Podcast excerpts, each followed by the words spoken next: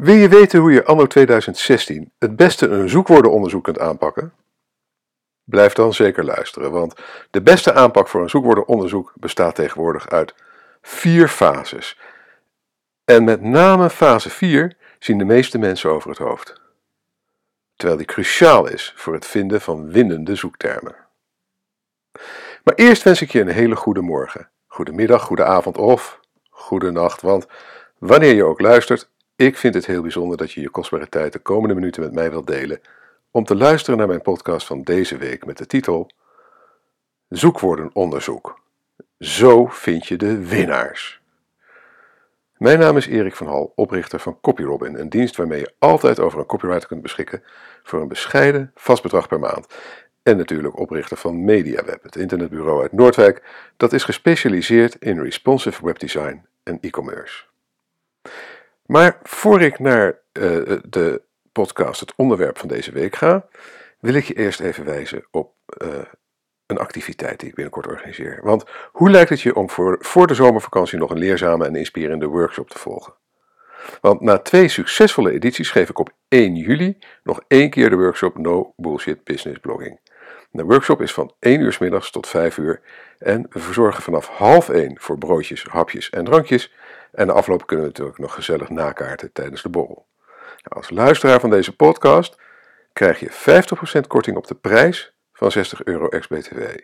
Nou hoop ik wel dat je, eh, dat je in ruil voor die korting het linkje deelt met, uh, met je vrienden, of met, je, met kennissen van wie je denkt dat die er ook wat aan zullen hebben.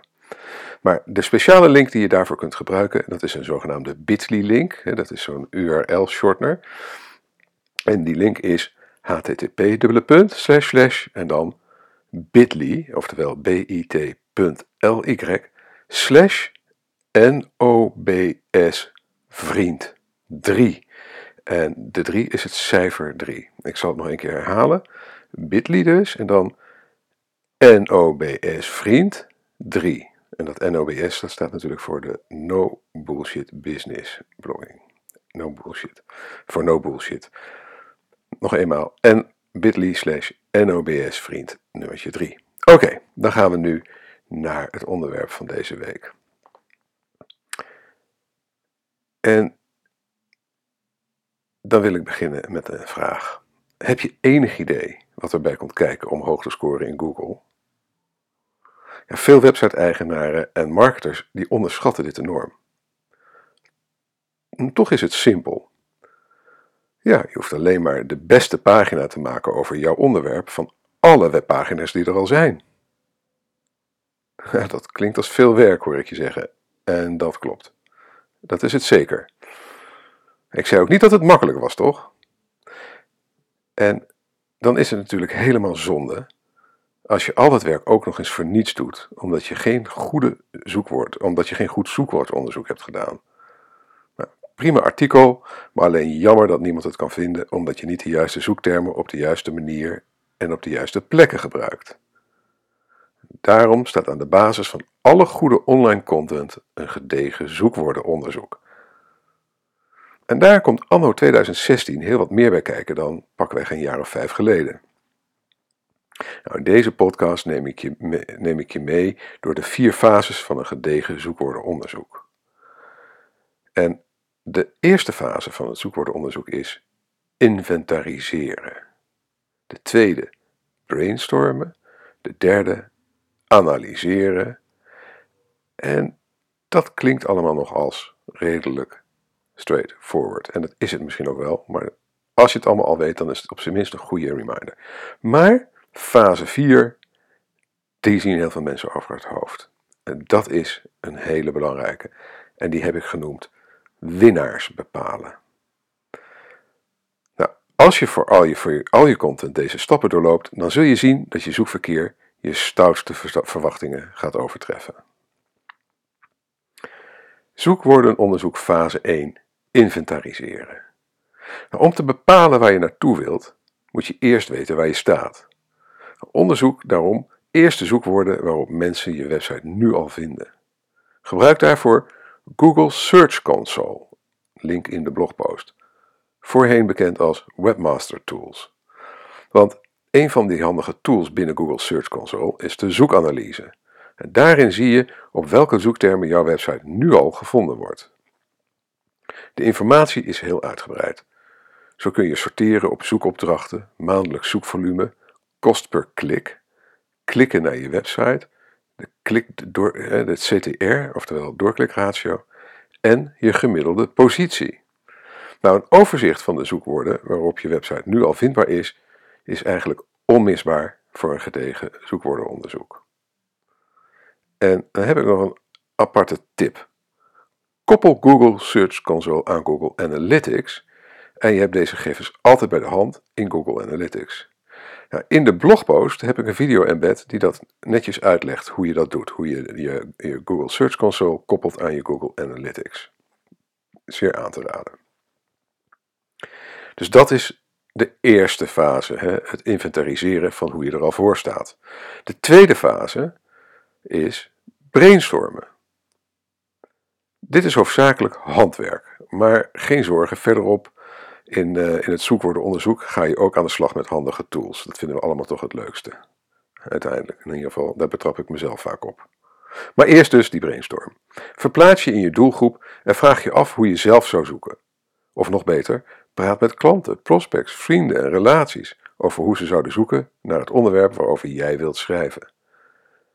Pas wel op dat je de antwoorden niet te veel stuurt. Stel daarom neutraal geformuleerde open vragen zoals Waar zou jij op zoeken als je beter wilt leren bloggen?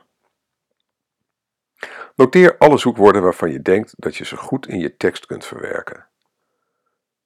Zet ze eventueel in een spreadsheet in een kolom onder elkaar. Dan kun je later aantekeningen in de kolommen ernaast zetten die je helpen bij het kiezen van de beste zoekwoorden.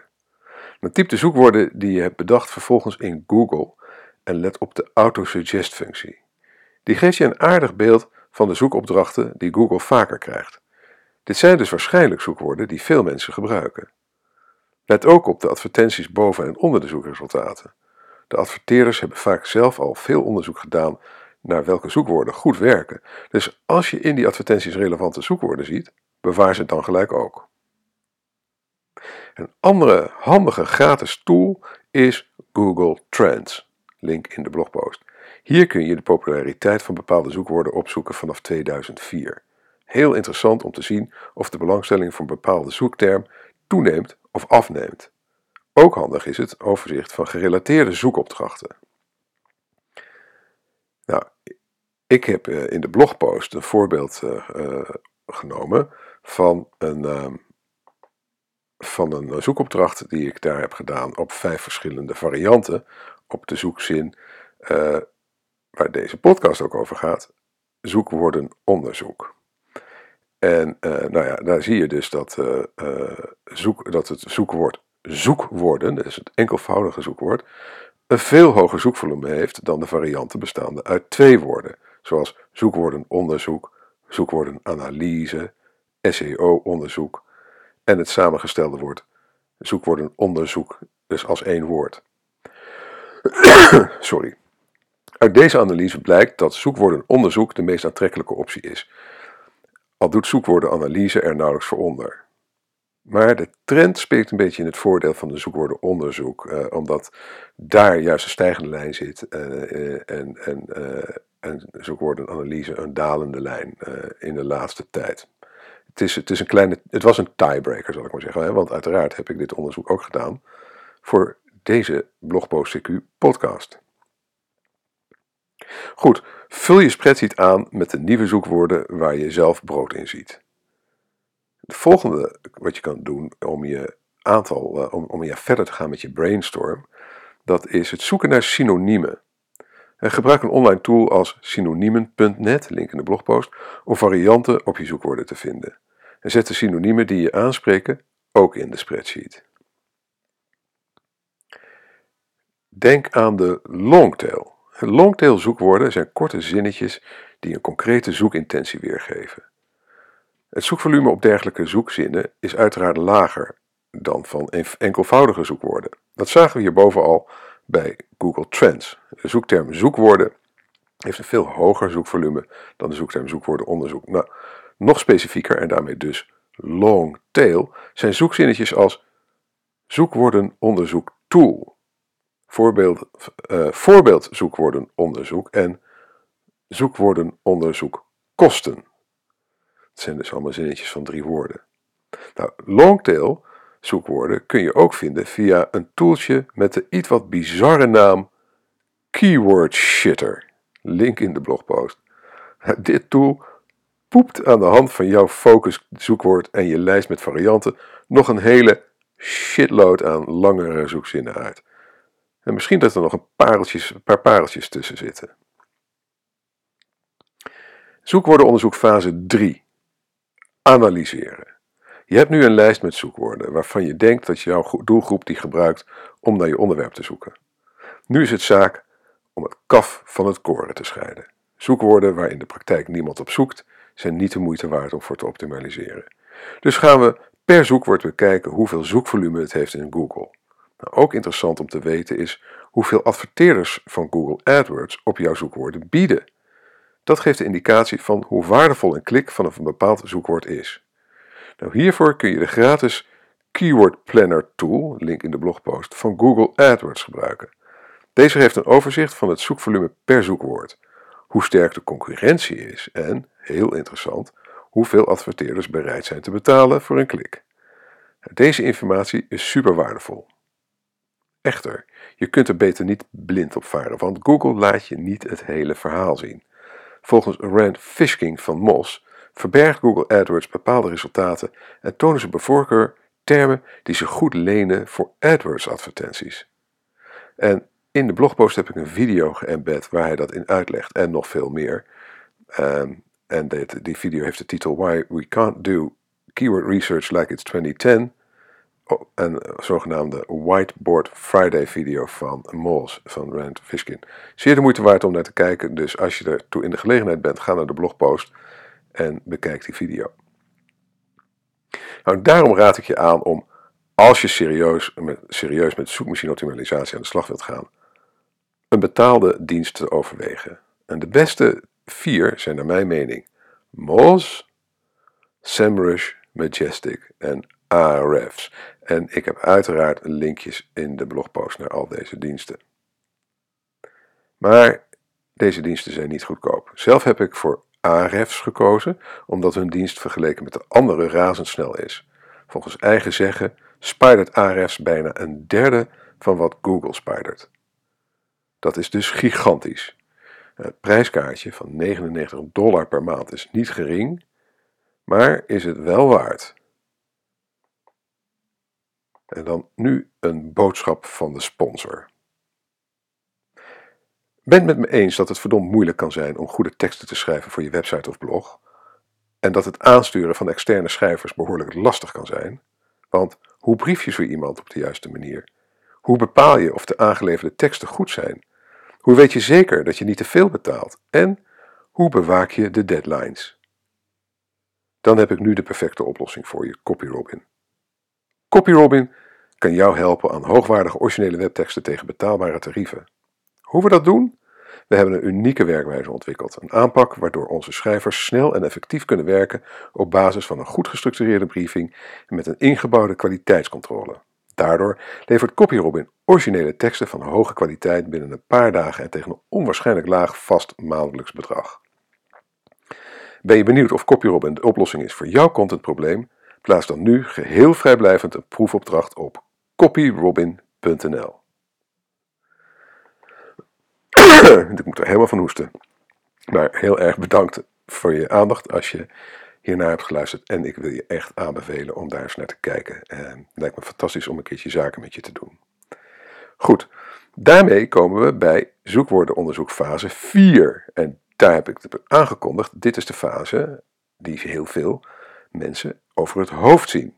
En uh, ja, ze kijken eigenlijk uh, met veel te grote ogen of een veel te grote maag naar de zoekwoorden.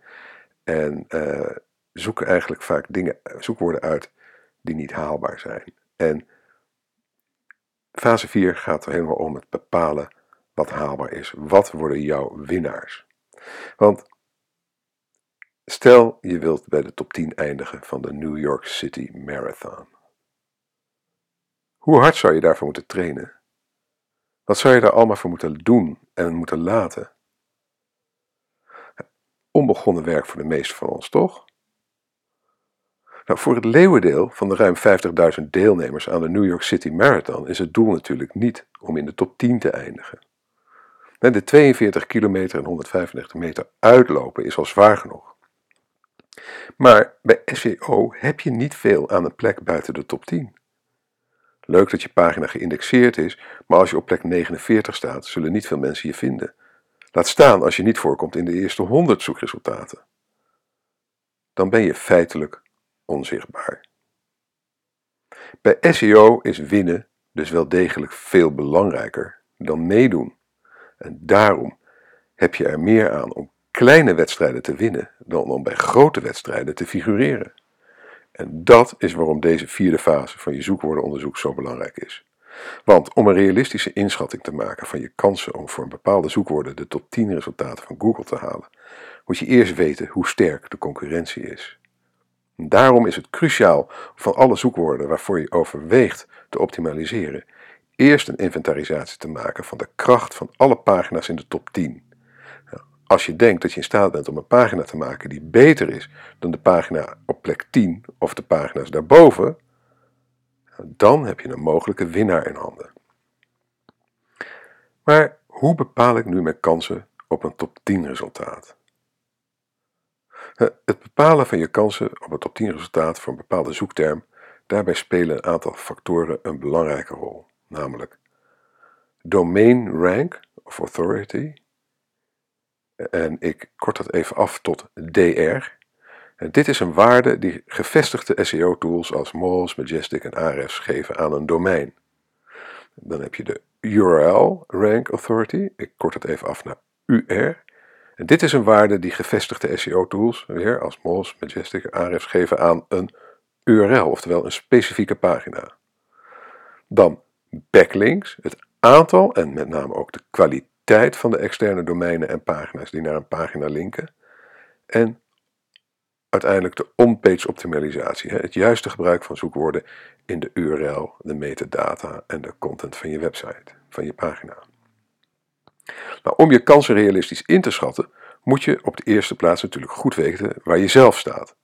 Nou, als je in staat bent een marathon te lopen binnen drie uur, sta je er namelijk heel anders voor dan wanneer je met moeite 5 kilometer rustig kunt joggen. En dat is ongeveer mijn niveau als het om joggen gaat dan. Zoek daarom eerst de domain rank, eh, de DR van je eigen domein. Zelf gebruik ik daarvoor Ahrefs. Deze rankt op een schaal van 0 tot 100. Alles onder de 30 ziet Ahrefs en overigens, dat spel je een beetje raar, Ahrefs, mocht je geïnteresseerd zijn, dat is A-H-R-E-F-S. Dus AH van Albert Heijn en dan refs, Ahrefs. Ehm, alles onder de 30 ziet Ahrefs dus als zwak en tussen de 31 en de 70 als gemiddeld en boven de 70 als sterk. Vergelijk, Google scoort 96 en Facebook zelfs 100. En uh, dit is dan even apart voor de podcast, want het staat niet in de blogpost, maar MediaWeb bijvoorbeeld 54. Dus we zijn een leuke middenmotor. Ik ben heel benieuwd als je voor je eigen website opzoekt waar je bent. Maar het geeft je een indicatie waar je staat in het, in het veld. Uh, uh, maar goed, naast betaalde tools is er, zijn er ook gratis tools beschikbaar, zoals de Website Authority Checker, link in de blogpost.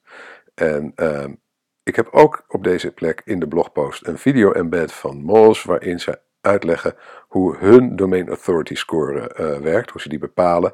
En de andere tools zijn min of meer vergelijkbaar.